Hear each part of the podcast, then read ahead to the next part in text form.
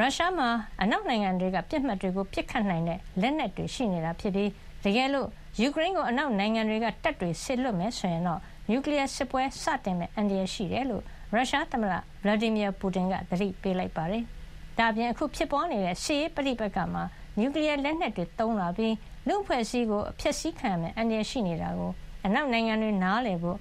ရုရှားသမ္မတက သူ့ရဲ့ နှစ်ပတ်လည် နိုင်ငံတော် အခြေပြမိန့်ခွန်းမှာ ပြောကြားခဲ့တာ ဖြစ်ပါတယ်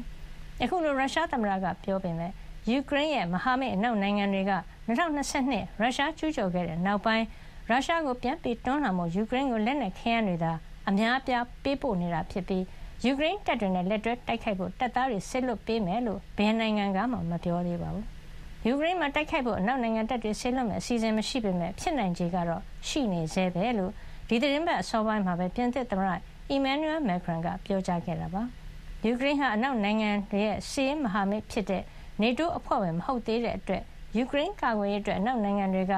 ထဲထဲဝင်ဝင် မလုပ်ကြသေးပါဘူး။